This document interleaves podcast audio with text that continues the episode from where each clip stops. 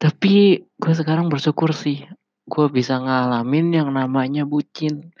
Maksudnya, ya dulu-dulu gue nggak pernah kayak begini gitu, kayak, oh ya udah gitu loh, kayak gue ngeyaudahin, kayak ngegampangin gitu. Karena gue juga mikir ke depannya kayak terkadang gue harus apa sih efek dari ini ini ini. Zaman dulu tuh gue bener-bener kayak masih kayak masa bodo amat gitu, bener-bener cuek.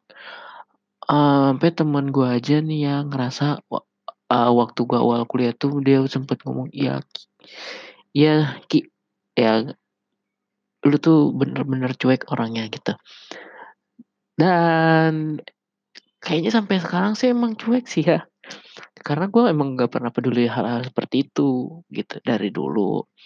Bahkan gue pernah pacaran sekali, tapi tuh rasanya kayak bukan pacaran sih ya, karena kita sama-sama diam sama dan gue mikirnya kayak, gue nggak mau ganggu waktu dia aja, karena dia tuh aktifnya selalu di atas jam 11 dan itu kayak bikin gue kesel gitu.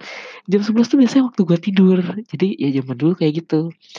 Tapi cuman zaman dulu tuh gue nggak sebucin ini sih, kalau ini parah banget sih. Gue nyampe jealous sama dia, gue sampai confess lagi sama dia. Kemarin dia dapat pengumuman UNJ dan ternyata dia nggak lulus, awalnya gue biasa aja. Kayak, ya mungkin lu waktu nasihatnya gitu ya, kayak mungkin lu butuh waktu sendirilah apa, sampai alhasil gue stalk dia lebih dalam. Gue nggak sengaja ketemu link Linkedin apa LinkedIn ya, LinkedIn, ya itulah intinya yang platform buat nyari ini, kerja gitu. Di situ gue kagum sih, seketik eee, seketika gue kagum, gue jadi tahu nama panjang dia, selain itu gue pernah nemu blognya dia, dalam artian dia bikin light novel ala kadarnya, karena mungkin zaman dulu lah, itu blog tahun 2014-an lah. Mungkin waktu dia SMP, dia bikin light novel seperti itu, gitu. Dan yang bikin gue kagum sama dia itu adalah, ya dia pas sekolah, dia juga ngambil part-time di sebuah restoran dan bar. Di situ gue kayak tercengang aja gitu, kayak, wow dia berbeda gitu sama gue. Dan, wah gokil, keren banget sih. Dia tuh pekerja keras lah. Karena setelah lulus pun ia kerja dan sekarang dia sedang kuliah di sebuah universitas s enggak, gue nggak tahu ya ini negeri apa swasta, yang pastinya dia di Jakarta Timur gitu. Eee, kagum aja sih, dia hard worker, dia belajar, dan dia kemarin di UNJ cuman eee, apa sih, ikut ujian UNJ cuman ya nggak keterima, dia kemarin down banget. Di situ gue ngasih semangat sama dia dan ya sekarang gue udah balik lagi sih ke diri gue yang sebelumnya, dalam artian gue udah nggak terlalu bucin lagi sama dia. Karena gue udah bisa menyep eee, punya wadah tersendiri gitu, udah bisa nempatin sekarang lagi sekarang lagi bener-bener bisa dan ngontrol diri gue gitu.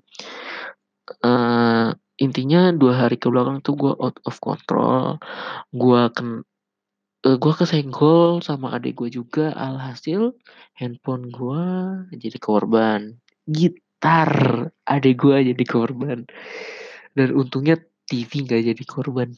Sumpah itu kemarin tuh parah banget sih. Iya sih, emang sih masalahnya sepele tapi jadi kayak nyambung-nyambung kesenggol. Jadi gue kayak ada 3 masalah gitu. Pertama, laporan magang, kedua ke ini, eee, masalah bucin ini, dan ketiga adalah adik gue ini yang jahil, nggak tahu tempat dan nggak tahu waktu, gitu loh. Padahal gue udah ngomong sama dia kalau gue tuh lagi ngurusin magang, dengan alibi itu ya supaya dia ngerti gitu loh, kalau gue tuh lagi pusing gitu ngurusin laporan magang yang ya gitu. Intinya sekarang gue udah bisa lebih santai soal kebucinan.